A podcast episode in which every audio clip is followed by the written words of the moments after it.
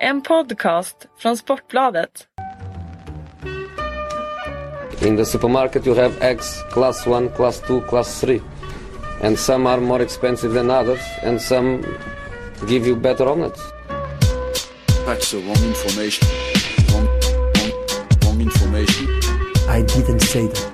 That's the wrong information. Do you think I'm an idiot? Wrong, wrong, wrong information.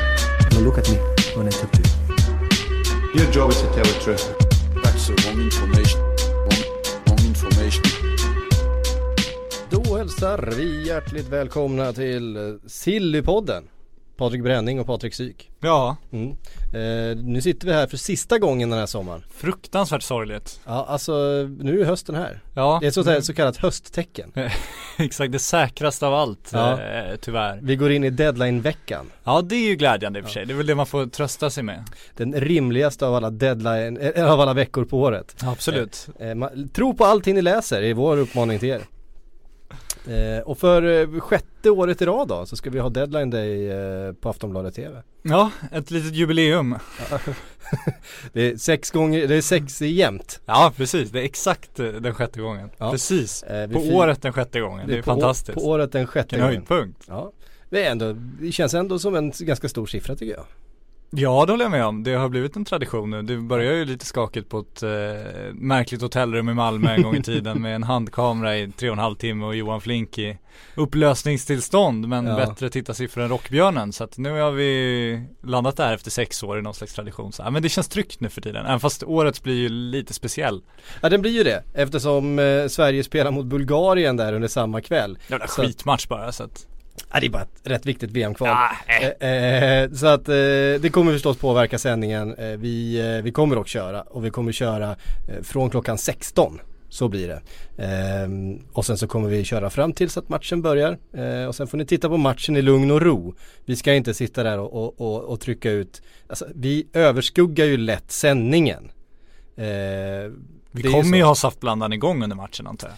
Händer det något så är, är vi där. Alltså vi, ni kommer ju kunna se på oss när vi ser på matchen. Ja och det är väl inte det man ska se på, man ska väl snarare att vi är med på om det händer någonting under matchen som är av större nyhetsvärde än att eh, Sverige spelar mot Bulgarien i VM-kvalet, då jävlar ska eh, blåljuset gå. Ja det gör det. Ja så är det. Det gör det. Ehm, det kommer i alla fall påverka. Men ja, i, i övrigt blir det väl eh, ungefär som samma. Du slipper Erik Niva den här gången. Ja. Han är ju pappaledig. Ja precis. Eh, och har betackat sig för den här typen av uppgifter eh, när han nu försöker Jag fokusera. behöver lite distans, eller vad var, vad var det exakta citatet? ja. Bevingade ord. eh, vi får se vem som ska kasta godis på dig då. Ja, Jag kanske får åta mig den det uppgiften.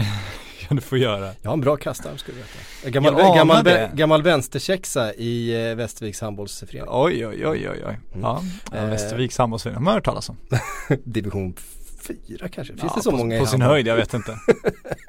Jag skulle tro den lägsta. Ja. Nej, nu gör jag någon jättearg i, Ja, i- ja i förmodligen. Västervik, Men det är det vi gör här i den här poddrummet. Exakt. Ehm, vi måste väl börja med det som är liksom det allra senaste och hetaste. och Det är kul handlar att du ju- kommer säga att det här är hetaste, men det är absolut inte det hetaste tror jag. Men kör på. Eh, Gareth Bale till Manchester United. Ja, det är ju inte hetaste. Vad är det hetaste då? Det hetaste är att eh, Stevan Jovetic är klar för Monaco. Det har dykt upp bilder precis när han poserar i sin nya tröja. Och Som vad har han för nummer på sin han- tröja? Ja, det står här. Ja, Ja, nummer Nummer 10. 10. Exakt. Mbappé. Har, ni dessutom, har du dessutom sett Moniers eh, Twitterkonversation ja med han, PSGs han eh, har- konto? har hintat om att det, det ska iväg, eh, presenteras en kille som börjar på M. Mm. Eh, En, en nyhet som börjar på M. exakt. Jag, jag läser franska nämligen. Eh, Ja, så jag, jag. håller på att försöka lära mig. Så jag, Ja. jag lyckades tyda det utan att använda eh, Google Translate Snyggt. till att eh, det är ett scoop med, eh, något, med ett namn som börjar på M. Ja. Eh, så, så var det han skrev. Nu översatte jag säkert helt fel här för mig själv. Förmodligen, men, men vi kan ju ändå landa i, i den slutsatsen att när sommarfönstret 2017 stänger så kommer världens tre dyraste fotbollsspelare vara eh, spelare som har flyttat under sommaren. Så är det.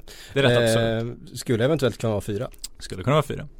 Eh, för eh, Skulle Det kunna var vara fem.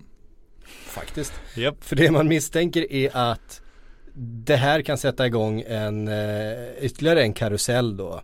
Eh, där Monaco har fått in eh, pengar. Nu har de köpt Stefan Jovetic.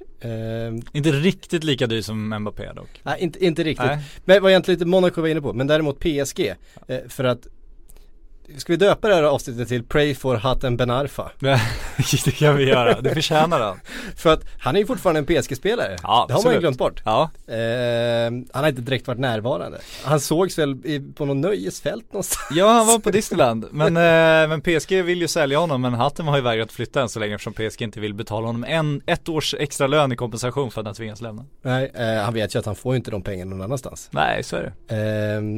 Men det är ändå roligt, han har ju några framför sig där. Det kan man säga, de har ska flytta på en, eh, en Di Maria och en Lucas Mora och lite annat. De har försökt att skicka Lucas Mora till, till Monaco under väldigt lång tid.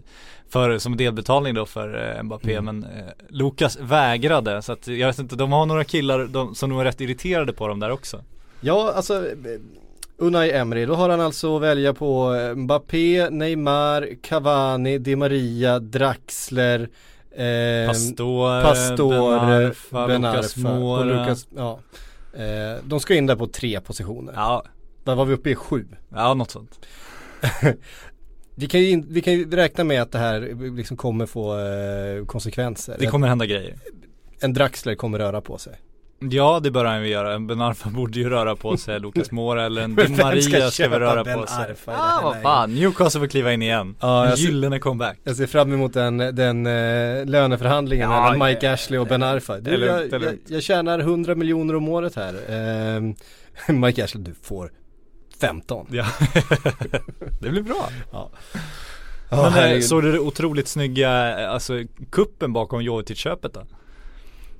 Eh, nej, det är jag kanske missat. Riktigt fin, han var ju överens med Marseille i, i fredags Ja just det, han skulle ju Eh, dit på, Exakt, på det skulle vara läkarundersökning idag hos Marseille och så och sen slog Monaco. Exakt, under helgen så hörde Monaco av sig, du vi ska sälja Mbappé, vi är jättesugna på att få in dig. Så på söndag sitter han då och kollar på Monaco Marseille men sitter helt plötsligt på Monacos hedersplats och ser dem krossa Marseille med 6-1. Mm. Eh, det var rätt, eh, ja men ändå sommarens bästa transfercup får man väl säga. Ehm, det här är ju, det är ju liksom här det händer just nu. Det är Monaco, det är PSG. Eh, det är liksom här man ska hålla eh, blickarna riktade tror jag. Ja, tills eh, Barcelona och Liverpool eh, byter telefonnummer igen. Ja, eh, vilket är frågan om de kommer göra. Det finns en, eh, eh, en detalj som jag tror kommer vara den avgörande. Och det är prislappen på Thomas Lemar.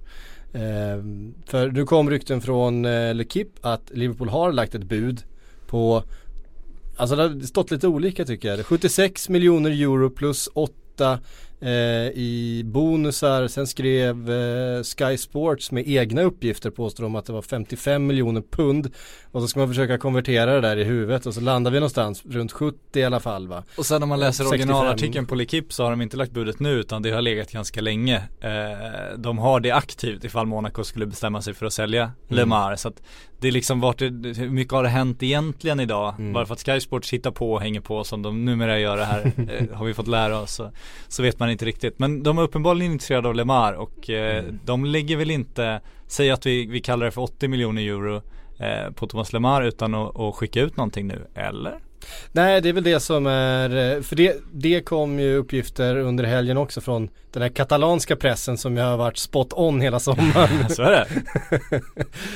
eh, de går inga ärenden åt någon. Nej, nej, nej, Absolut nej. inte. de har inga bilder på Verratti på en vattenskoter på framsidan av sin tidning och skriver nu kommer han. Det har de absolut inte. Eh, de skrev att eh, Barcelona kommer lägga det här fjärde budet som det har pratats om, som ju inte är lagt än.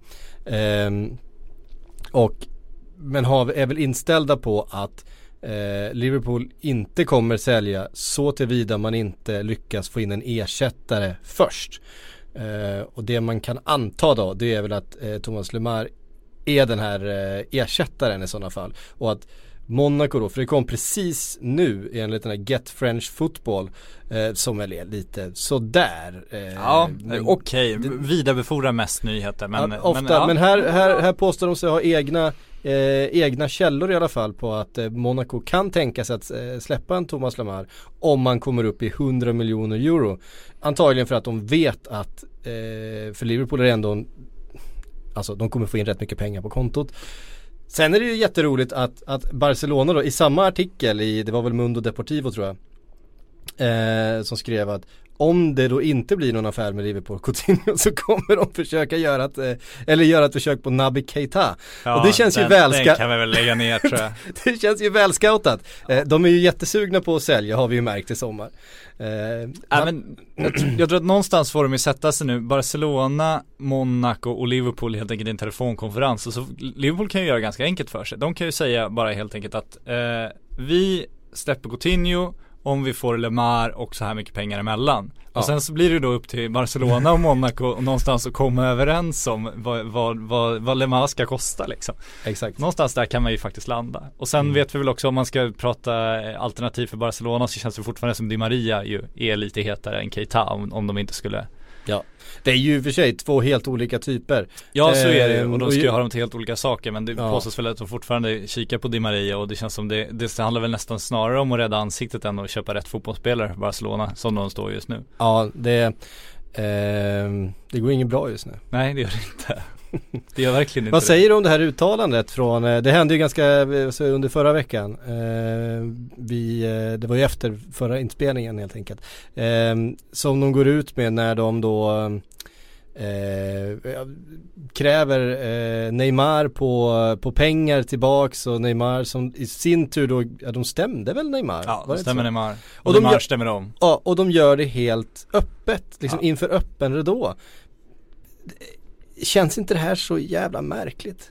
Jo, alltså men det känns som Det jag tror alltid, jag tycker också det är otroligt illa skött Den här Barcelona mer än en klubb eh, Att de gör det här på det här Mm. sättet och de har också fått stora delar av sina fans emot sig för hela det här agerandet Det ska man vara väldigt tydlig med Det är ju Absolut. inte Barcelona med deras fans bakom sig som agerar så här utan det är ju deras president som är kraftigt ifrågasatt just nu Mm. som agerar så här Men jag tror att han, han håller ju på att försöka vinna något slags propagandakrig just nu För Mm. dels gör han det här för att måla ut Neymar som boen Sen eh, häromdagen så skrev också Spanska Sport ju Som eh, har väldigt nära band till, till klubbledningen att, eh, Mm. att Neymar satte dem i skiten Att det var ett möte i New York där han då mörkade att han skulle till PSG och P- eller Barcelona-presidenten då genomskådade honom Hjälten i den här farsartade sagan han försökte måla upp. Och så ja men han kommer visst lämna och så åt sin sportchef. Måste hitta en ersättare direkt och tio, tio dagar senare gick Neymar så att Just nu jobbar ju Barcelona-ledningen extremt intensivt med att måla ut Neymar som den som, som har liksom satt Barcelona i den här situationen När det egentligen bara är de som kan hållas ansvariga för det själva Mm. Och även eh, Dani Alves har ju kritiserat eh, Barcelonas ledning efter att han lämnade eh, förra säsongen eller förra sommaren. Ehm, Och det är här man undrar då, eh, Leo Messi som är på, på Neymar och Dani Alves återföreningsfest eh, Mm. tillsammans med Luis Suarez och Rakitic och Piqué och de här. Vad, vad tänker han, ett år kvar på kontraktet. Okej att han älskar Barcelona, han har alltid varit där, han trivs där. Men dels så är han på den här festen med två killar som uppenbarligen känner sig så illa behandlade av Barcelonas klubbledning. Han får se hela den här svartmålningen av Neymar offentligt. Han åker till, till Monaco på Uefa-gala, får se Cristiano Ronaldo och Real Madrid ta storslam och åka hem tomhänt därifrån. Hur resonerar han kring sin kontraktsförlängning där liksom? Alltså, känner han att han är skyldig Barcelonas nuvarande ledning det, det kan jag inte tänka mig. Känner han den starka kopplingen till fansen, det är väl det som kan få honom att stanna då. Men, men hur resonerar han? Det, det är ju extremt intressant. Han blir ju liksom, han skulle ju i en handvändning kunna eh, mer eller mindre sänka Barcelona. Det är klart de kommer lyfta sig igen. Men om, om Leo Messi också skulle bestämma sig för när jag drar, jag ger, ger upp det här. Jag tycker inte att de har behandlat mina vänner eller mig på ett, på ett tillräckligt bra sätt. Då står ju Barcelona i en sån förtroendekris av historiska mått som hade varit extremt tuff att hämta sig från. Så skulle det säkert ta många år att hämta sig från också. Ja, eh, helt klart. Och eh, ja, alltså Barcelona kommer ju agera under veckan här. Ja, De har, de har inga alternativ. Men vad tror du då? Ehm. Du som ändå har eh, hjärtat hos Liverpool. Mm. Eh, Coutinho, spelar han i Liverpool när transferfönstret stänger? Jag tror ändå, jag skulle ge det en, en eh, 60-procentig chans. Ja. Jag tror att det är 60-40 eh, att han gör det. Eh, jag, tror det. Jag tror faktiskt att Monaco inte är speciellt sugna på att släppa eh, Lemar med tanke på hur mycket de redan har sålt den här eh, sommaren. Jag menar, de, har släppt en halv startelva Mm. eh, och de har dessutom släppt sina bästa spelare. Jag menar, Mendy, Bernardo Silva, Mbappé, Bakayoko. Eh, Samtidigt- och så släpper de och så släpper de dessutom Fabinho vad det verkar eh, till PSG nu samtidigt. Ska de dessutom släppa eh, Thomas Lemar också som kanske är deras bästa spelare eh, som är kvar nu då från det här eh, fantastiska laget de hade förra säsongen. Eh, ja visst får de in 100 miljoner, jag vet inte. Jag tror att Liverpool också är ganska trötta på Barcelona. Tror fortfarande det är så att FSG känner att de får lika mycket pengar för Coutinho nästa år. Jag tror det finns en konflikt mellan, mellan ägare och Jürgen Klopp där Klopp vill sälja. För han vill inte ha en spelare som inte vill spela för honom. Han har gjort det, han gjorde det konsekvent i Dortmund. Det var ingen snack. Var det en spelare som ville lämna var det hej då. Men han sålde till Bayern München också liksom. Ehm, Men sen, jag läste också en intressant text just om Monaco om deras, för jag tänker på ett sätt, om du säljer eh, en halv startelva, Mm. eh, vad har du kvar? Kommer det gå för det här laget i år? Vad händer med LeMars värde om, om laget då presterar mycket sämre och han då per automatik också presterar mycket sämre. Hans värde Mm. Exakt. Mm. kan ju tokdala nästa säsong eftersom han kommer vara i ett lag som ingen riktigt vet vart de står nu. Nu var de väldigt bra mot Marseille men man vet inte. Mm. Nej. Och sen så undrar man också, det var, jag läste en, en lite intressant text om att Monaco kanske, att det finns en tendens att man övervärderat deras spelare lite. Alltså, de, de vann franska ligan, det var en rejäl skräll, men de gjorde det i en, i en tid när konkurrenterna försvagats och PSG som alla ser som överlägsna hade sin sämsta säsong sen sin, sin, sina nya ägare hade Patrik Löfvert som sportchef som gjorde huvudlösa värvningar. Alltså Hatem Ben Arfa, det man var ju- därför gjorde alltså 20, eh, 26 matcher utan att göra mål. Ja. Ja, när, man, när man spelar i lagen, lag, eller ligans överlägset bästa lag. Exakt, ja, men, men det var ju ett, ett, ett mycket svagare PSG och då, då tog de sig förbi och i Europa så Manchester City stod för en genomklappning av liksom otroliga mått i, i åttondelsfinalen. De spöade Dortmund i kvartsfinalen efter den här bombattacken mot spelarbussen Mm. som jag också spelade in där. Så det var intressant just det där om man kanske eh, har övervärderat Dortmund och att de då kanske är jättesmarta som säljer av hela sin trupp till liksom överpriser just nu för att de vet själva att- Monaco menar du? Ja, Monaco. Ja. Ja. Mm. Att de vet själva att ja, men det, det kommer inte gå lika bra nästa säsong. Nej. Eh, mycket väl så sen har de ju värvat. De har värvat Ja. ganska mycket. Ja, och- Thiel- men- Thielemans är ju den man tänker ska vara en eh, en som spelare de ska bygga upp nu under ett par säsonger och sälja för en miljard. Ja för de har inte Eh, värvat så dyrt. Nej, det har de inte gjort. Jovetic är inte heller dyr. Nej, han är ju kanske inte heller en spelare de får en miljard för om Nej, ett par år. så är det. Eh, Sen ser han ju rolig ut. Ja, ja, ja, han är väldigt snygg Jovetic. väldigt snygg. Eh, vi- kan sätta en bild på Patrik Brenning och Jovic bredvid varandra så, så förstår ni Otroligt vi snygga. skojar om det här. Ehm, en, ehm, en annan detalj i, som är väldigt intressant det är ju PSGs eh, struktur för att eh, kunna köpa Mbappé eh, samma sommar som de lägger 2,2 miljarder på Neymar. Och det är då att det ska handla om ett lån med option på 180 miljoner euro tror jag till nästa sommar. Mm. Eh, för att de ska kunna sprida ut de här pengarna ytterligare över eh, 12 månader. Men jag menar, alltså jag förstår, att, jag förstår att det finns ett kryphål här och att de, eh, de utnyttjar det till fullt men, men eh, kommer verkligen Uefa gå med på detta? Det, här- det här är ju den stora knäckfrågan, jag håller med om. Och det blir, det blir ingen jätteskillnad. Det är inte så att du måste betala hela samma sommar annars. Utan du slår ju ut över kontraktslängden. Det är Ja, visst. köpesumma. Eh, och om man kollar PSGs ekonomi så gick de, jag tror det stod 100 miljoner euro plus förra året. Det är ju ett, ett, ett visst mått av handlingsfrihet. Men det är ju inte, det är inte där uppe på, på 3 3,9 miljarder. Eh, så att det blir väldigt intressant. Men det de gjort som Uefa också bekräftat att under hela Neymar-affären så har de stått i, i tät kontakt med Uefas alltså och FFP-experter och även rådgjort med dem och diskuterat och, och liksom mer eller mindre förhandlat fram en väg fram så att det här ska fungera. Eh, och jag utgår från att de även har gjort det i Mbappé-fallet. Och eftersom de är straffade redan 2014 så skulle de bli betydligt hårdare straffade nu. Så om de skulle bli fällda nu så, så kan inte Uefa göra annat än kasta ut dem i Champions League. Det är mer eller mindre otänkbart. Alltså då, då tappar ju hela FFP ansiktet fullständigt. Om man då tänker vad är syftet till att PSG ägs av Qatar och drivs som fotbollsklubb? Jag tror att Qatar är extremt måna, framförallt i den här dip- diplomatiska krisen de befinner sig i, att, att ha ett bra rykte, att PSG ska vara det som målar upp Qatar som liksom ett, ett, ett framgångsrikt och ett bra land med bra värderingar och eh, det man har idrott till. Därför Mm. folk sponsrar så mycket idrott, det är därför Coca-Cola och alla cigarettföretag är askåta på idrott. Och om de då blir liksom blir utkastade ur Champions League och kända som boven som stal två, de två dyraste spelarna i världshistorien det, det har de ju liksom, det skulle ju gå emot hela deras syfte med att äga PSG. De äger ju inte det för att de ska vinna Champions League, de äger det för att Qatar ska få bra reklam. Så att på något sätt har de löst det här. Ingen vet hur, men de måste ha löst det här. Jag är övertygad om det. Ja, ehm, och förmodligen så är det ju, alltså det var ju hela den här grejen med då att eh, Neymar skulle vara eh, ambassadör då för, Ja. för, för VM eh, 2022. Som eh, då skulle vara en del i hela, att han, en viss del utav pengarna som han köptes loss för kom från dem att de ska äga en viss procent eller att det är, ja det är och det, det kan man säga det direkt är ju lite sjukt också att FFP hjälper dem att lura FFP. Ja, För det är ju det de har gjort. Ja på ett sätt är det sjukt, men för, för, om det här, är- jag tror inte på det här del, alltså att han skulle, dels så får du inte ha delägarskap så att de skulle betala en del av summan och äga en del av honom, det tror jag Nej, inte på. det är nog inte ägande Och sen- men, men ja. Men det, jag tror att Uefa skulle, de, de borde slagit ner på det, jag har svårt att se att det är så det fungerar. Då, är, då kan ju du som vilken sponsor som helst, alltså om Liverpool, ja, eh, men då betalar liksom Liverpools huvudsponsor halva summan och så är det Mm. runt. Det, det funkar ju inte så, det blir ju en slags sponsoravtal och jag tror inte att de skulle värdera den på den summan. Eh, för Uefas FFP eh, domare värderar ju dina sponsoravtal också så att de har skäliga nivåer.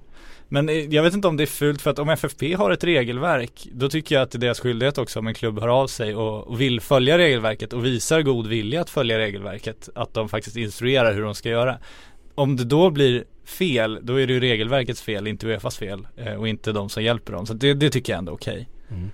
Ehm, Ringer du polisen och frågar om något är lagligt då tycker jag det är schysst om polisen hjälper dig att besvara hur du, hur du inte ska bryta mot lagen. Men grejen är att om svaret är nej, men men du fortsätter ställa frågan, men eh, hur skulle vi kunna göra för att det här skulle typ vara lagligt då? Finns det ett kryphål i lagen någonstans ni kan hjälpa oss Ja, att hitta? jag vet inte om den typen av frågor har ställts men de har nog bra jurister som själva kan hitta de kryphålen. Ja. Mm, mm, mm, vi har ju sett andra eh, det är ju som vi varit inne på många gånger tidigare. Det här är ju människor som lever på att hitta kryphål i, i avtal och lagar. Och det gör alla fotbollsklubbar dagligen försöker göra så att, och det, är- det är väl det du gör på fotbollsplanen också liksom. Alltså du filmar till en straff, du drar i en tröja, du tar en taktisk varning. Allt handlar ju om att hitta kryphål i reglerna, så Mm. är det ju. Nej men alltså alla, alla de här ägarna. Ja, det är ja, ju, ja. det det är ju hardcore kapitalister liksom. Ja, de så är är, ehm, det, alltså jag skulle inte tro att någon utav de här ägarna, alltså man kan tycka att Manchester Uniteds eh, liksom ägarfamilj, att de skulle göra, liksom dra sig för att, att hitta kryphål och fuska på alla sätt som det var möjligt om de, de kom undan med det. Nej, Så, nej. fun, så funkar de ju allihop. Ja, och de är inte inne i, i fotbollen för att de, de älskar fotbollen. Vi framåt. Jag tycker det var kul med Inters ägare Erik Torir som i, Mm. i, i någon intervju nu fick frågan varför han, när han började hålla på Inter, han skulle då bedyra sin eviga kärlek till den här klubben. Ja men det var när den här trion holländare var i Inter förut, var då jag fall, föll för dem. Fick han ju vissa problem då, när den där trion holländare var ju, var ju som man vet i Milan och inte Inter. Så att Ja. det gick sådär för honom. Ja, alltså era Liverpool köptes ju genom ett kryphål eh, FSG när de ringde upp banken som Liverpool hade skulder till istället för ägarna och sa att om vi köper era skulder är det inte så att vi äger klubben då helt plötsligt? För att skulderna är större än eh, klubbens värde. Jo, det känns ju rimligt tyckte Bank of Scotland och så sålde de klubben mot eh, ägarnas vilja. Eh, så kan man också göra. Ja, Så, att det här är ju en del utav den moderna fotbollen. Ja, Eh. och, och man ska inte sitta och hålla på topplag i Premier League och, och svära åt PSG, då, har man, då är man ute på tunn is tycker jag. Man, Ja. kan, man kan möjligtvis sitta och hålla på topplag i Tyskland som inte är RB Leipzig Som- och kanske klaga på, på Som PSG. inte är RB Leipzig. De har ju fortfarande en 51% regel i, i Tyskland även, om, även om Red Bull inte verkar bry sig nämnvärt om det. Har de hittat kryphål också? Så är det. Mm, mm, mm, mm, mm. Eh, någon som inte sysslar med kryphål det är Charlie Adam. Han, eh, Nej, eh, han slår upp hålen. han, han får inte plats i dem. Nej. Nej, Oj, nu ska vi inte, vi ska inte, vi ska inte kroppsshamea på det där sättet. Nej, jag tycker jag är tråkigt. sluta Tycker jag är tråkigt. Har jag Eh, aldrig gjort själv. Men så eh, när han eh, meddelade sin, eh, sin kontraktsförlängning Ja, just det. Ja, berätta, det var härligt. på Twitter. Då har han då skrivit det i anteckningar i sin telefon så som man gör om man har ett lite längre för att man inte får plats på 140 tecken. Det var bara det att hans meddelande var kortare än 140 tecken. Han hade, Så ändå, jobbar. han hade ändå skärmdumpat sin telefon och lagt ut. Undrar han satte sig då så bara som de stora spel, nu ska jag liksom skriva en lång epos om min kärlek till klubben och fansen här. Men sen till slut, ah vad fan jag pallar inte. Han har ju inte Jag har fler, förlängt. han har ju inte fler ord i, i sig. Nej det är så är det ju. Det var hela hans vokabulär det där. Ja, alltså det var så jävla roligt. Han, jag, jag såg en intervju med honom för länge sedan när han skulle, när han precis hade, hade eh, skaffat Twitterkonto. När han skaffat det där. Och så får han frågan Eh, jaha, vad, liksom, eh, hur kommunicerar du med fansen? Well, I just got this uh, new thing called twär. Och intervjuaren förstod inte vad han sa. Han sa, förlåt? Twär! De hade den där jävla gruvskotskan liksom Ja, som han pratar. Så, eh, eh, You have to, I, I don't, I don't know that. So, no, it's thing, everyone's on, it's called så, så, ja, det är helt, Kanske tror att han skriver och inte pratar ändå. nej underbar. Så man känner ju att eh, han gjorde nog sitt bästa. Ja. Ehm, det som jag inledde med och det som stod högst upp i mitt, mitt körschema var ju Bale till United. Mm. För att eh, det är ju den stora raketen den här eh, transfer, sista transferveckan om den skulle hända. Vad, på vad bygger du att det skulle vara på gång? Ja, det har ju kommit massa, nu har jag inte skrivit upp källorna här eh, bara för att jag tyckte det var uppenbart. Men det har ju kommit under helgen nya, nya rykten om att eh, Manchester United eh, kommer göra ett, ett sent försök på Gareth Bale under den här veckan. Eh, det tyckte jag var, tyckte jag var intressant. Ja, det är spännande. Men jag bara läste senast i L'Equipe idag att, eh, att Reals, eh, det var lite eller jag hade Diario Gol var det, spanska, som skrev om, om Cristiano Ronaldos inblandning i Real Madrids affärer. Här får man ju ta med en stor nypa salt, alltid de här spanska uppgifterna. Men, men att han är så nöjd med liksom klubbdynamiken nu och gruppdynamiken när det går så bra. Så han, han stoppar Florentino från att köpa Eden Hazard, Zlatan Ibrahimovic eh, och Kylian Mbappé den här sommaren. Tycker jag ändå är härligt. Men man ser någonstans på, tycker jag, Zidans uttalande, det var väl idag också, att eh, ingen ska bort, ingen ska in. Han var väldigt tydlig med att han är väldigt nöjd med, med hela truppen och som den ser ut. Och det Har känns, han väl anledning att vara. Ja, och det känns inte som det finns något skäl för Real att skicka ut Gareth Bale nu samtidigt som det känns som det är logiskt att ryktena kommer efter att eh, Asensios succé och sådär liksom. Så att det förstår man ju. Men det hade varit en, en märklig affär att, att sälja honom och jag förstår inte riktigt varför Manchester United skulle köpa honom nu heller. Okej då. Eh, Men ja, men jag säger inte att det är omöjligt, men jag tror inte på det. ehm, mm, mm, mm. Aurier till Tottenham.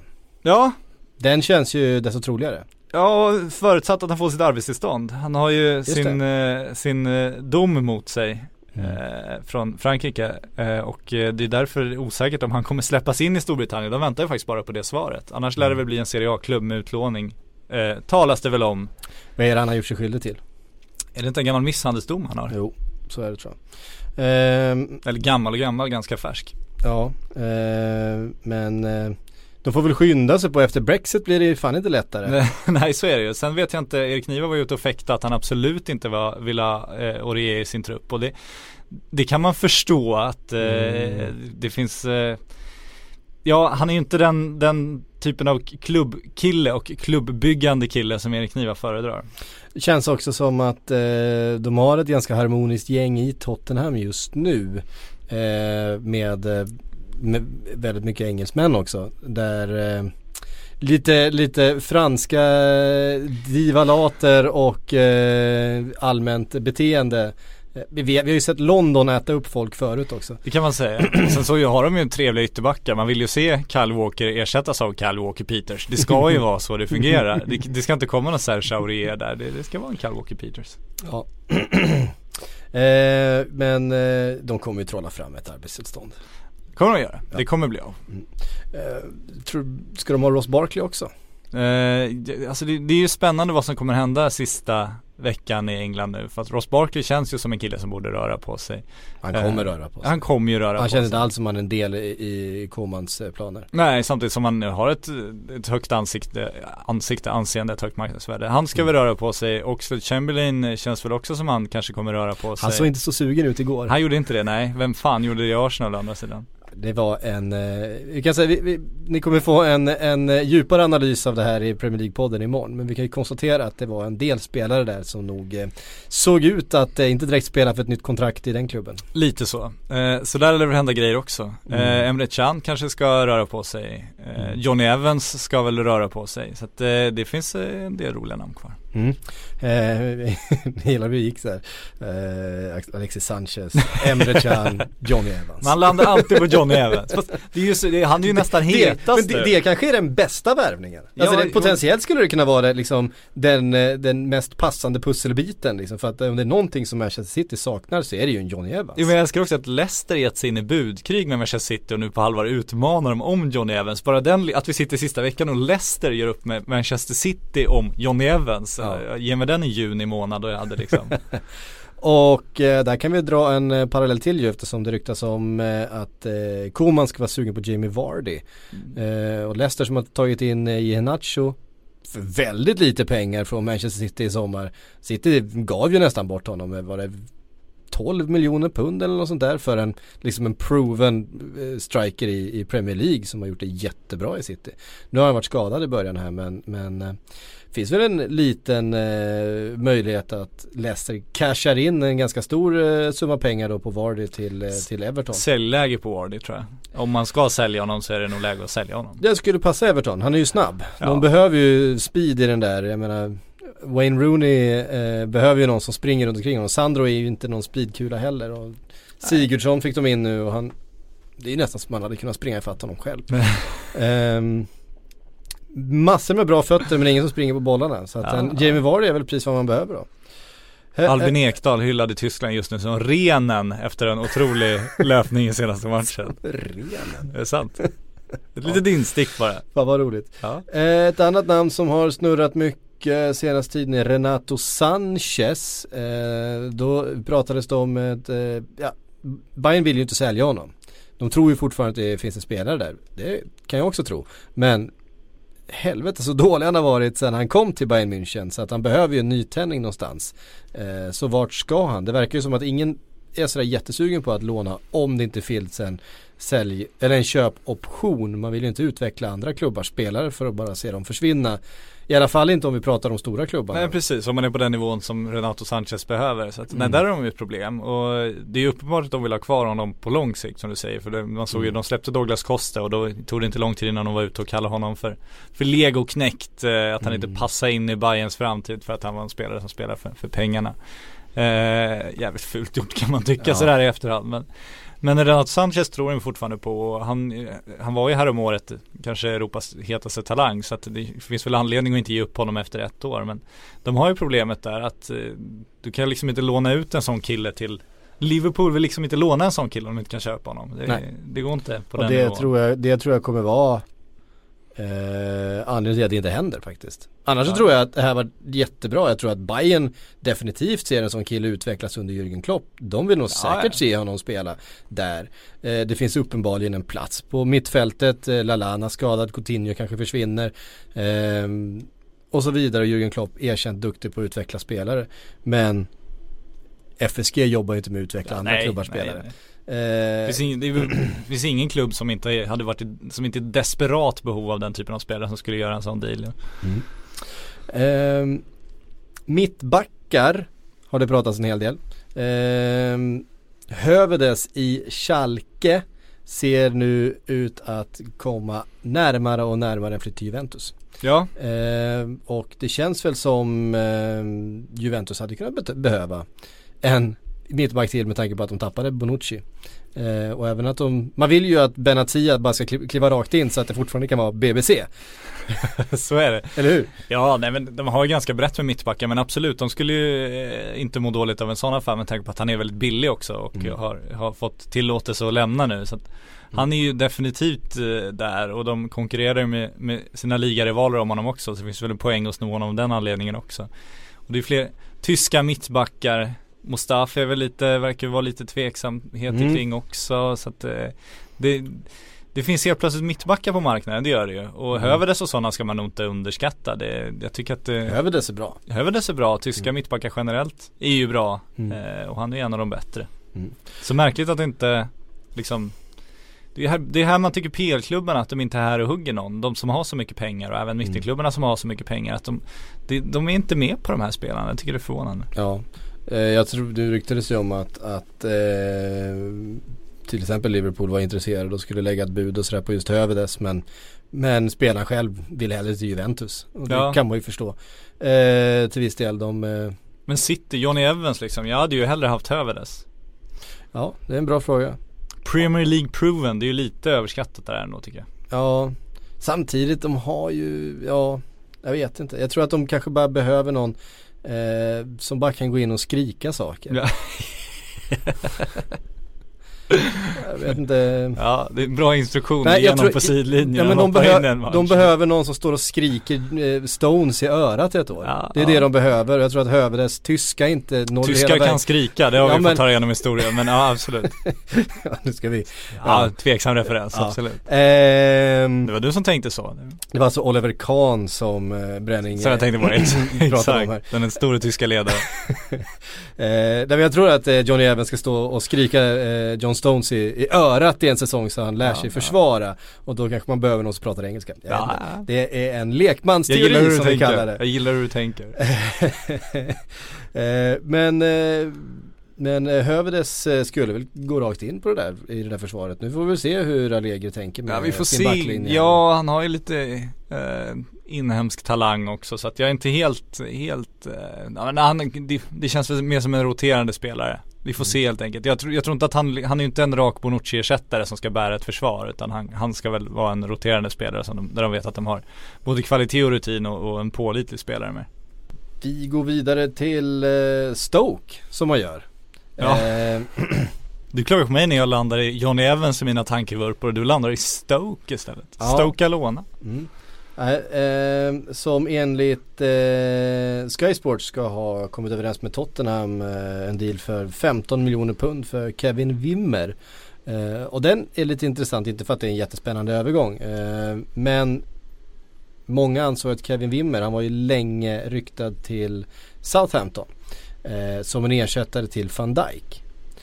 Och nu blir det istället Stoke för Wimmer vilket då skulle kunna innebära att Southampton till slut har bestämt sig eller kommit överens med van Dijk att nej, nu blir du kvar. Och då köper man inte in eh, Kevin Wimmer helt enkelt. Så konspiratorisk är jag. Ja.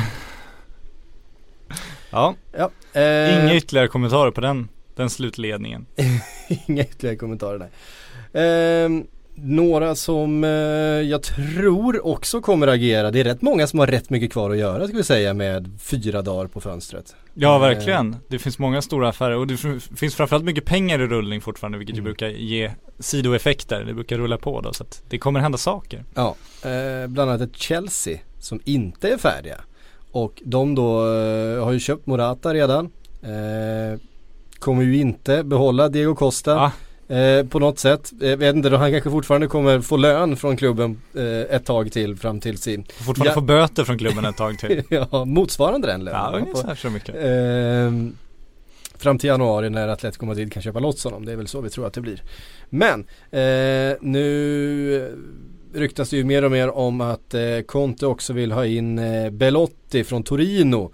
Eh, såg du målet i helgen förresten? Det var en, en pärla. En pärla, ja det var väl italiensk pressreflektion på målet var väl Titta, titta eh, om det var Premier League, jag kommer inte ihåg vilka de, vilka de riktade sig till direkt men titta det här är anledningen till att han är värd 100 miljoner euro Den runda fina summan som är, som börjar bli allt mer rundkastad nu Ja, och det är ju så att han har en utköpsklausul på 100 miljoner euro helt enkelt. Och att eh, Torinos sportchef eh, fick frågan då efter eh, det här supermålet han gjorde. Och han sa att det är out of my hands. Det är inte så mycket jag kan göra om det är så att Chelsea kommer med 100 miljoner och, eh, och vill ha honom. Och det, så är det ju verkligen. Och, eh, vi får väl se, nu kanske det inte är forward egentligen. Morata har ju inlett väldigt bra för Chelsea. Han eh, gjorde ju mål i helgen igen han också. Eh, men en sån som Belotti känns Alltså man ska inte säga att han känns bortkastad i Torino för att det, då, då, då, då pissar man ju på den klubben och sådär men, men någonstans så är det ju en av Europas liksom hetaste strikers så många som eh, vill ha dem så att någon kommer ju hosta upp de där 100 miljoner eurona till slut. Det tror jag ju. Ja men frågan är ju vem bara för att som du säger Chelsea det vore ju en misstroendeförklaring mot Morata att ta in eh, Belotti nu för 100 miljoner euro under sista dagarna också. Det känns ju lite konstigt och jag tror inte riktigt att det är det som kommer hända. Det känns inte som deras, det känns som en väldigt märklig plan och man förstår att ryktena kommer när han gör ett sånt mål för då blir det uppmärksamhet och då kommer de per automatik. Så jag vet inte exakt vilka som behöver Belotti för 100 miljoner euro. Det är väl anledningen till att han är kvar än så länge också. Risken för, för eventuella intressenter om det nu finns någon är att om han stannar så lär han väl signa ett nytt kontrakt i höst och höja den där köpklausulen lite så att Ja, vi får Mm. se. Samtidigt kom det också rykten om att eh, Conte ska vara sugen på Fernando Llorente istället. Som Ja. han ju haft tidigare Lite billigare i, alternativ. i eh, Juventus. Mycket billigare alternativ. Japp. Och erbjuder ju eh, någonting annat än, eh, än vad Morata gör. Alltså det blir ju en plan B i sådana fall. Det är mer en target. Jätteduktig huvudspelare ju. Eh, någon som kan gå in antagligen sådär behöva vända, ändra matchbild sista 15 liksom. Det är väl det han ser framför sig. Annars tror vi väl att eh, Morata, sen finns ju Batshuayi där och svär på bänken bakom. Ehm, Sina leksaksdockor. Ja, nej men Llorente det är ju ett, en annan typ av värvning. Då är det ju inte en misstroendeförklaring, då är det ju ett komplement. Och det känns ju snarare som det, att det är det de kommer hämta in i så fall. Jag har svårt att se att de tar någon för 100 miljoner euro som sagt. Mm. Ehm, såg du att eh, Simon Mignolet var eh, utanför truppen igår? Ja, Det var väldigt märkligt. ja, Karius var inne och, och svingade med, med Arsenal-anfallare istället. Ja, eh, han, ska ju tekniker. han ska ju vara bra på Ja, fötterna. modern sägs det. målvakt. Ja, herregud alltså. Man kan ju få hjärtinfarkt för mindre. Alltså, möter man ett bättre motstånd, någon som vill spela fotboll mot en, Ja, då kommer ju det där eh, inte hålla. Nej, så Men så länge det, det är så någon man möter bara- Arsenal av, av dagens snitt. Då är det lugnt. Eh, herregud vilket eh, blekt lag. Men eh, nu kommer ju då rykten om att Napoli som ju har eh, Pepe Reina, gamle Liverpool-målvakten. Ja. Eh, Men han ryktas till PSG. De rycker i honom, de vill ha Eh, Pepe Reina. de vill ha Pepe Reina. Det är ju rimligt. Ja. Eh, han har ju, då skrev ju på ett, eh, en ettårs förlängning i somras med Napoli och nu snackas det om att eh, Napoli vill ha Simon Mignolet istället. Mm. Eh, de fortsätter köpa målvakter utav, utav Liverpool. Och det är klart att Liverpool investerade, inte jättemycket pengar men visserligen, men köpte ju en, en eh, Karius förra sommaren och har dessutom en Danny Ward som var jättebra för Huddersfield förra säsongen och eh, när han har kommit in för Liverpool har varit kanske den bästa utav dem. Eh, och Men Karius... varför, men varför inleder de då med Mignolet? För han har ju varit, han har ju spelat nu fram till att det här, att det här börjar hända. ja. Eh, för han, han, han vilades i helgen sa de ju, men jag vet inte när en målvakt behövde vila senast. Efter tre matcher. Exakt, det känns inte så jäkla troligt. Men det, då är det ju märkligt att sälja honom, för att Kari, det, han är ju bättre än Karius tycker jag i alla fall. Ja, det är ju... Eh, det är du ju inte ensam mot. Nej. Eh, framförallt eh, så som han har spelat senaste året, eller sen, sen Karius kom in så har ju faktiskt Mignolet höjt sig. Eh, kanske det Napoli har sett också, att han har utvecklats. Eh, Men då släpper och, man det och, Liverpool, och Liverpool känner, känner att man har tre målvakter som egentligen skulle kunna ut, konkurrera om en första spade. Eh, och så ser man en öppning att få in pengar för en utav dem. Ja, det råkar vara den som är något, något bättre än de andra. Men jag tror inte att Liverpool själva anser att Mignolet, för det har ju varit det har varit frågor om, om han ska vara eh, klar eh, första Ja nej, liksom, nej men han är inte, han är in inte ohotad detta. Jag tycker inte, Nej, jag är tycker han inte. fortfarande att de hade mått bra av att få in en helt annan målvakt. Ja en helt ny det, målvakt. det är vi helt eh, Ja. överens om. Så ja, det Eh. kanske är smart att sälja honom men det känns konstigt, eh, konstigt skede, konstigt just nu. Eh, sen är ju allt, alltid väldigt märkligt med, med att Peperina helt plötsligt är helt på marknaden. Han liksom har förlängt med ett år. Ja, är väldigt konstigt målvaktssnurr. När man tycker att det finns eh, målvakter på marknaden, Mandanda och liksom, tycker att Sirigu var ute förut på marknaden och sånt där. Det var ingen som högg. Så att, är otroligt märkligt. Ja. Ehm, du vet Moussa Sissoko, Ja, kommer du ihåg honom? ja jag minns honom. Eh, köptes eh, från Newcastle till, Han överpresterade. till, till Tottenham eh, för ett år sedan. Ja, Ehm, och har då gjort braksuccé på White Hart absolut. Nej det gjorde han inte direkt. Han, Tog med eh, sin landslagsform rakt in i, i Tottenham. han gjorde en fruktansvärt bra EM-final. Ja, han gjorde fruktansvärt bra EM. Ja men framförallt finalen, han var ju Ja. klart bäst på plan. Ja, ja klass. Han dominerade. Ehm, I en match som de till slut förlorade då. Eh, förlo- förstås då, eh, Frankrike. Men var, var ju oerhört bra. Nu eh, eh, verkar det som att Inter är lite sugna på att köpa loss honom från eh, Tottenham som uppenbarligen inte vill ha med honom att göra längre. Eh, det som är lite intressant med honom, på tal om det här. Han kom ju då för eh, eh 30 miljoner pund var det eh, som kommunicerades. Men eh, det som är intressant med den här affären är att eh, det kontraktet skrevs eh, som en avbetalning då som man alltid gör. Men det var nästan som en, eh, vad ska man säga, de köpte honom för 5 miljoner pund för varje år han spelade. Eh, så att säljer de honom tidigare så har de bara betalat för det året han spelar till, eh, till Newcastle. Har Newcastle gått med på det här alltså? Ja. Ja. om det stämmer så är det, då, då är, har Newcastle gjort återigen en, en av världshistoriens sämsta fotbollsaffärer. Ja. Radar upp några nu för tiden. Han skrev ett, eh, ett femårskontrakt och det skulle då vara, eller 6 miljoner pund då per, eh, per år. Ehm, så som de eh, Så gör skulle- nästan, skulle- skulle- så gör man ju ofta, men just att han, att han, att de då skulle slippa betala om de säljer honom vidare, det låter ju helt sensationellt. Den här affären var inte alls speciellt dålig för Tottenham och det var klart värt chansningen. Och, eh, han ville under inga som helst omständigheter eh, spela Championship med, eh, med Newcastle och därför så blev det. Så att den här eh, värvningen som har hånats så mycket. Eh, I så fall är i, den ju bra. i, I så fall så var den inte så dum. Nej, i så fall var den ju backup, genial, liksom. absolut. Man Om det nu är så här. Om, om det nu är så här. Men eh, eh, så eh, var det enligt, enligt någon journalist. Ehm, Enligt någon journalist. nej, jag, kommer inte, jag, jag kommer inte ihåg vem det var som Nej, eh, men du, eh, vem, vem du är källkritikens jag väktare. Jag tycker att du borde resa runt på mellanstadieskolor i Sverige och föreläsa Det igen. här är Sillypodden Patrik. Det här är ju hela tanken Det med här den källkritik är viktigare än någonsin. Nej. Ehm, och det handlar ju då förstås om att man inte lyckas få, lott, få loss Keita Balde från eh, Lazio som man har jagat hela sommaren. Eh, jävlar vad man har stött och blött eh, den affären men, men nu verkar det vara Sissoko man har riktat in sig på när man har insett att eh, man inte kommer få loss eh, den wingen. Vi eh, Eh, mm, mm, mm. Vi ska ta lite frågor och eh, vi börjar med en från eh, Stefan Lundgren som skriver En sillysommar utan Bentner nämns i en enda sillypodd är skandal. Vart vill vi se Lord? Ja, världsklass enligt Jon, Jon Arne Riise i sin senaste match. Att, eh, Absolut. Barcelona. Han har ju gjort, som, han har gjort sommars snyggaste mål Ja, det har han gjort. i danska ligan. Absolut, och nu är han tillbaka till danska landslaget. Så att, nej men det, det är vänt, vänt för honom. En, eh, återvända till Juventus kanske? Ja, eller vinna CL med Rosenborg, inga problem. Nej, det, Allt är möjligt. det löser de. Eh, Arvid Karlsson undrar vilka är klubbarna med störst panik nu när deadline day närmar sig? De är ganska många. Ja, men det är väl framförallt Barcelona, Barcelona och Barcelona tror jag. Ja. Om man ska nämna tre. Ja om man ska nämna tre så är det ju Barcelona men Ja hur, vad ska de göra då? Ja, det är det som är så eh, svårt, alltså det, det är så intressant när man backar bandet till juni tycker jag, när, när Barcelona, när det känns som de har ändå Verratti på gång, man känner att PSG kan fan inte stå emot hur länge som helst där. Så hade Barcelona förstärkt sitt mittfält med Marco Verratti, haft Neymar, Suarez och Messi kvar där framme och kunnat gå efter en mittback och haft ett, ett väldigt, väldigt spännande lag. Eh, sen så stannade Verratti och PSG tog Neymar istället och nu står Barcelona och, och ger upp sina mittfältsaffärer för att de i panik måste fokusera på sina anfallare. De gav ju upp Serri i Nice där för att de var tvungna att prioritera en anfallare.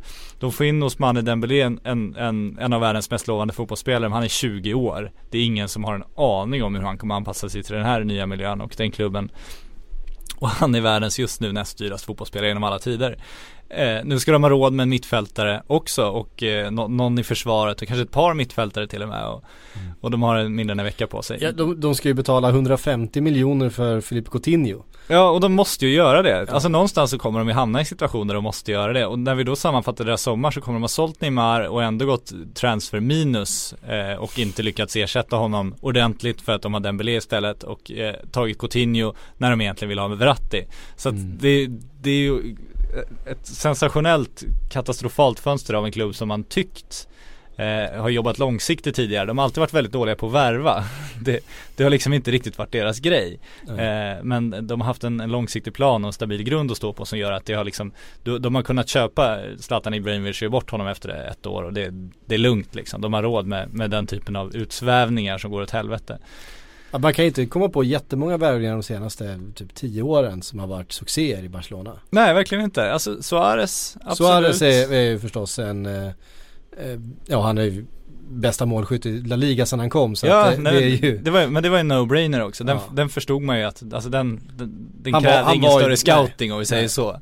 Eh, annars David Villa är ju sådär, det var en bra värvning en gång i tiden. Det var Mm. inte, inte så exceptionellt, han kom med lite högre förväntningar tycker jag, men gjorde det bra. Fabregas hade några stunder då han var, då han var okej men, men det vart ju inte som tänkt. Nej, Arda Toran, André Gomes, det är inte Mm. bra. Paco Alcacer är mer en reserv, men var, han var jävligt dyr också. Ja.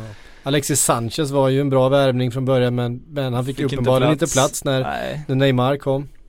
Nej, äh, vi kan hålla på så här i evigheter liksom. Alltså Mascherano är väl den senaste riktigt, Ja. riktigt bra värvningen om man ser till att ett inköpspris som spelare som någon slags överträffar förväntningarna och var lite av ett fynd. Trots att han ändå också kom från en rätt bra säljande klubb om man pratar med dig. Men Ja han hade, ja men han hade ju spelat en Champions League-final liksom Ja. innan så att det var ju inte, det var ju inte så här att man har varit nere i fyndlådan Nej och, så var det ju inte, men de har verkligen fått ut max och de har ändå skolat om honom till mittback efter Ja, det och liksom så där, det var ju en riktigt, riktigt bra värvning Ja, som andra verkligen. kanske inte såg samma potential i riktigt. Så den, den får man ju verkligen ge dem. eh, Men ja, nej, annars är det, det nej. Viktor Lind undrar, blir sve- allsvenskan av med något innan fönstret stängs? Och det pratas lite grann om eh, Cibicki eh, till Leeds. Ja, han ska vara överens med Leeds. Ja. Eh, det gör en ju både glad och orolig såklart. Men, nej, men Cibicki, det, han har fått mycket skit nu under våren för att han inte gjort så mycket mål som han gjort tidigare.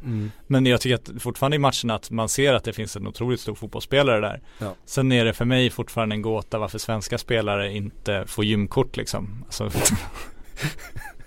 Nej alltså, men- men, äh, ja, alltså på så här, riktigt nu.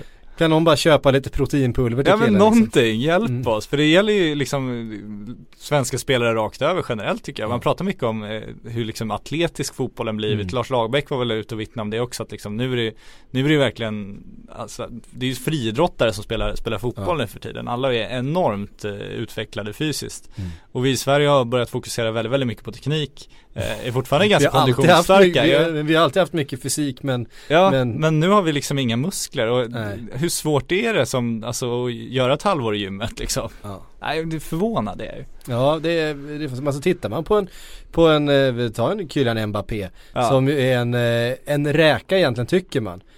Men jag menar det är ju en rätt krallig kille. Ja, herregud. När han, han tar av sig tröjan liksom. Det är ju rätt många timmar i, med ren styrketräning där. Ja, och visa mig liksom eh, Chibikis överarmar på någon, någon spelare i elitfotbollen just nu. Mm. Alltså det, det, är, det är inte så.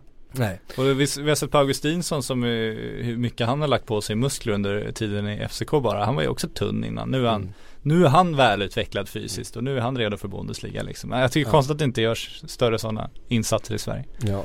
Ehm, nej men man precis när man tycker att resten av världen har, har fattat det här liksom. Ja, Eh, någonstans så var det ju några stycken som, men en Cristiano Ronaldo som verkligen gick i liksom så här bräschen. Han, han skulle bli den verkligen topp, topp, topp atleten på alla sätt han kunde bli. En Gareth Bale liksom. Han, han röker inte, han dricker inte, han tränar extra. Han, han du vet, han, en Zlatan Ibrahimovic efter Juventus. ja, verkligen. Um, Oskar undrar, klarar sig Liverpool på sin trupp? Vilka förstärkningar behövs? Är rimliga? Keita? Eh, Van Dijk? Ja, alltså, nej, det gör de inte. Vilka förstärkningar behövs? Ja, de du nämner. Kommer det bli av? Nej. Eh, Lemar har väl fortfarande hoppa om då, då? Ja, och då är det ju Coutinho ut så att det är ju, Ja, sen får vi se med van Dijk. Jag är inte helt, eh, det, nej, vi får se. jag är inte helt säker på att han sitter så fast. Nej jag tror inte han sitter så fast. Jag tror däremot att eh, det finns ett Chelsea och ett Arsenal som är minst lika sugna och att Southampton helt enkelt inte vill, vill göra affärer med Liverpool. Så att Ja, eh, men jag tror mycket väl han kan lämna men eh, om, om de knackar på dörren med mellanskillnaden mellan Coutinho och Lemar affärerna sen så kan det nog hända någonting i alla fall. mm. eh, Filip undrar Frank de Boer och Billich på väg ut. Tänk på det här sättet. Det går fort i fotboll hörru. Ja, det gör det. tre omgångar in så ska de ut. Billich har ju varit ifrågasatt innan. Ja. Och det var ju många som eh, trodde han skulle få gå efter förra säsongen som ju inte var bra. Eh, han har ju haft det där att han har kommit in och gjort succé i en säsong med liksom sin karisma och sådär. Men så brister det lite grann i rent liksom taktiskt. eh, Du vet, han är inte så... Inte Han gör så John Evans, han kommer in och skriker ett år. Ja, exakt. Eh, han står och hänger på knäna. Jag tycker det är så roligt. Han står och hänger på knäna alltid. Han ser helt slut ut under matcherna. Eh, och det är klart, tre raka torsk för West Ham. Det var inte det de hade tänkt sig. Eh, William Carvalho. Undrar, han måste ju titta på det här och här, Ja, ja, ja. jag vet inte ifall det här är riktigt så här. Eh, Sporting har sagt nej till alla toppklubbar under flera år liksom. Hörru du, jag har, jag har en klausul till jag vill ha med i mitt kontrakt.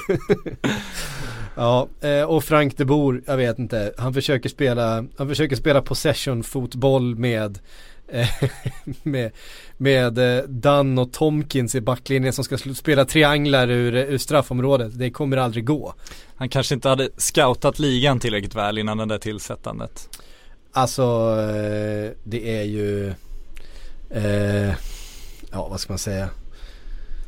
Det, det, det är en trupp, det, det är en trupp som är byggd utav Tony Pulis och Sam Allardyce liksom. Det är liksom, den är, all, den, den är aldrig gjord för att man ska spela possession-fotboll med den. Det, det, det går inte.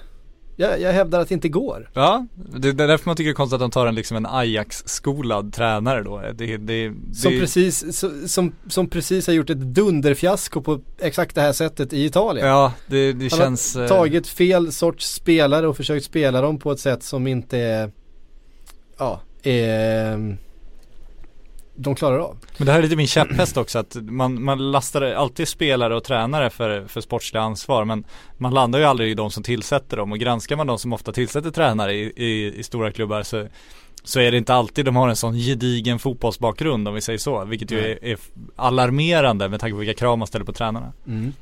Nej men det är, man kan absolut stå och försöka kontrollera bollen mot motståndare med en eh, Christian Benteke och en James MacArthur. De kan Ja. stå där och försöka kortpassningsspela till tiki-taka. varandra. Ja, nej herregud.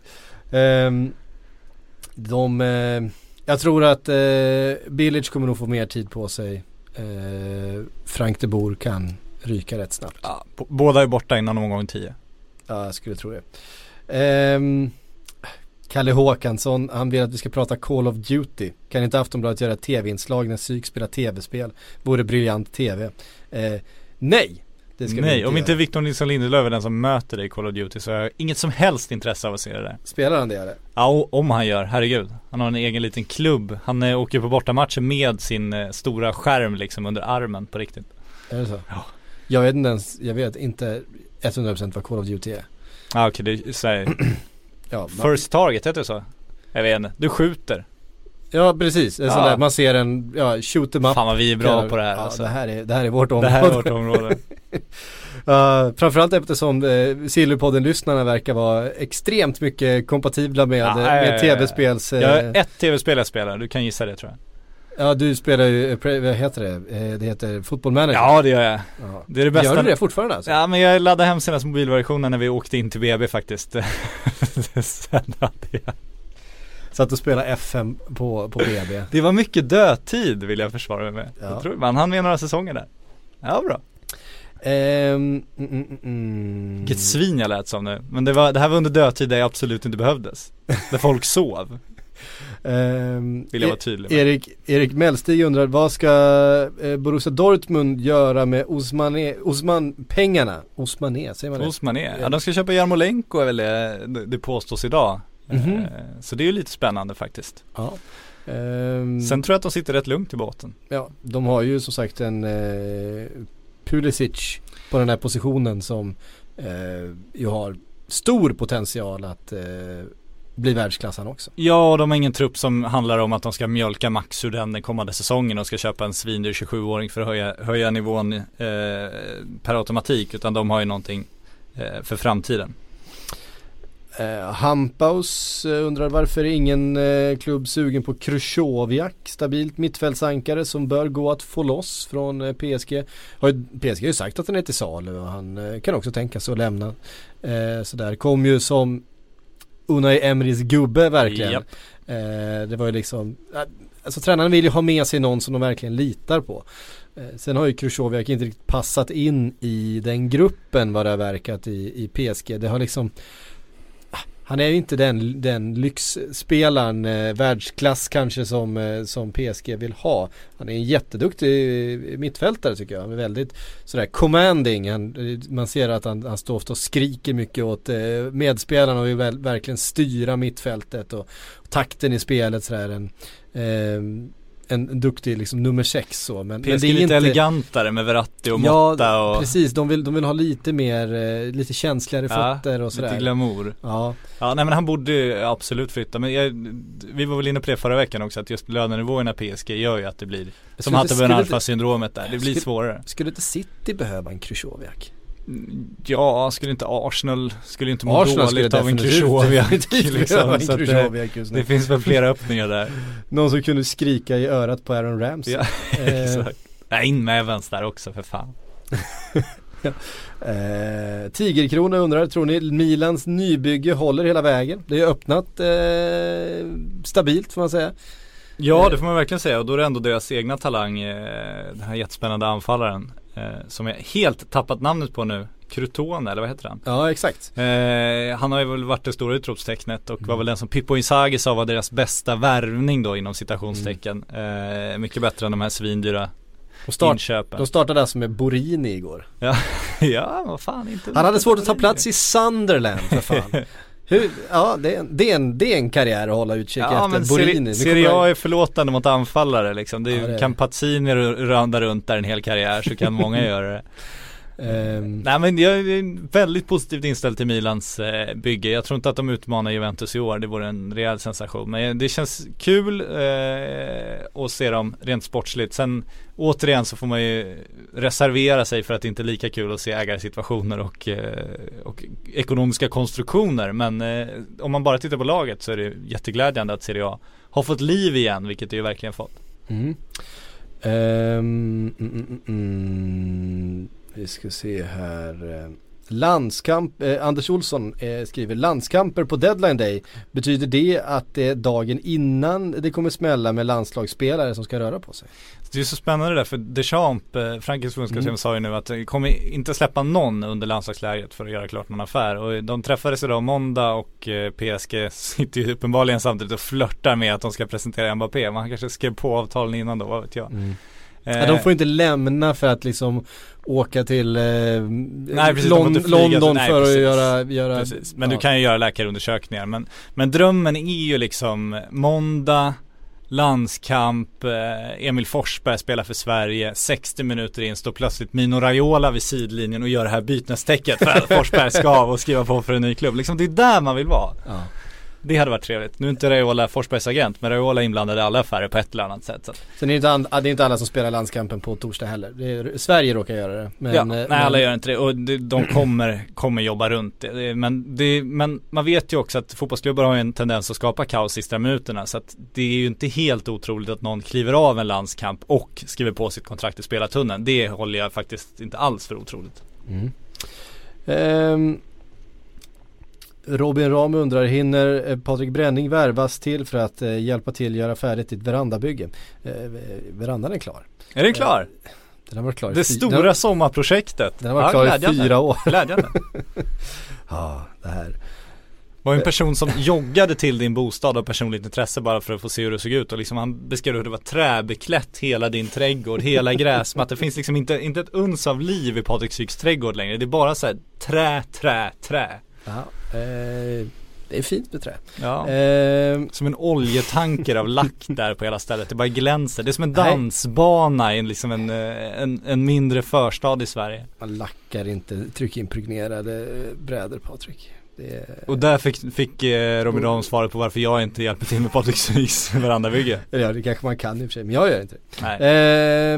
Eh, Tobias Ravstedt vill att vi ska prata Emre Can. Mm. Eh, som ju var väldigt bra i, mot Arsenal i år. Var ju som sagt som vi varit inne på. Eh, Kan bli ett fynd, ett år kvar på kontraktet. Ett- vilka hugger då? eh, ett år kvar på kontraktet och jag har fortfarande inte kommit överens med Liverpool och det pratas ju om att det är Juventus Ja. eh, som eh, då ska kunna göra ytterligare en av sina gratisvärvningar som de är ju experter på. Ja, för att prata fotbollmanagerspråk så sitter väl de ständigt med den här utgående kontraktfliken liksom i tryck där när de söker spelare. Så att eh, det är inte så dumt. Eh, de har ju också en tendens, alltså man, man ska ju också hylla dem, inte bara för sättet de hittar de här fynden utan också för att de får ju ut väldigt, väldigt mycket av sina spelare. Det, det är ju Benatia var inne på det, det finns, eller Benatia, där finns det ju någon som kanske underpresterat lite men annars så är det ju ont om spelare som verkligen underpresterar i Juventus. Det känns ju snarare som de lyfter sig. Så att, eh, ja, Emre Can, Juventus. Skulle det göra ont i ditt Liverpool-hjärta? Ehm, ja, alltså jag tycker han har varit väldigt bra nu i början men jag har också sett att han varit väldigt bra i, så här, perioder. Det, jag tror inte det, det är inte en spelare som som man bygger laget runt på det sättet. Det är inte en, liksom en Felipe Coutinho där det är liksom Nej, lagets största stjärna det handlar om. Men, men han är ju trevlig att se på Mm. en gång i veckan. Ehm, så är det ju. Ehm, man gillar ju också att ha den, den kvaliteten i, i, i sitt lag. Ja herregud, det ska man inte underskatta. Ja, han har bra hår. Ja absolut. Um, hörru du, det, tiden springer iväg här och eh, vi får ta och knyta ihop den här säcken. Vi är tillbaks på torsdag igen då. Då är det ju deadline day sändning. Vi ska försöka för er som eh, missar och sådär, försöka få ut det i någon slags eh, poddform eller i ljudformat. Ehm, så att man ska kunna lyssna på det i alla fall. Först in i framtiden. Delar av det. Vi, vi får se hur vi löser det. Eventuellt ska det också finnas kanske så man kan lyssna med ljud eh, någonstans. Vi får se, vi får återkomma med det. Håll utkik eh, på sociala medier tror jag det kommuniceras i första hand på typ Twitter. Eh, Det går ju annars att sätta igång tvn och lyssna. Det är ett annat litet tips. Eh, det kan man också göra. Ja. Mm. Ja, eh, jo absolut. För all del. Eh, hörni, tack för att ni har lyssnat. Eh, vi är tillbaks på torsdag. Och Ja. sen så eh, hörs vi väl igen i januari. I think I worked for 16 years here in England and I deserve a bit more credit than wrong information.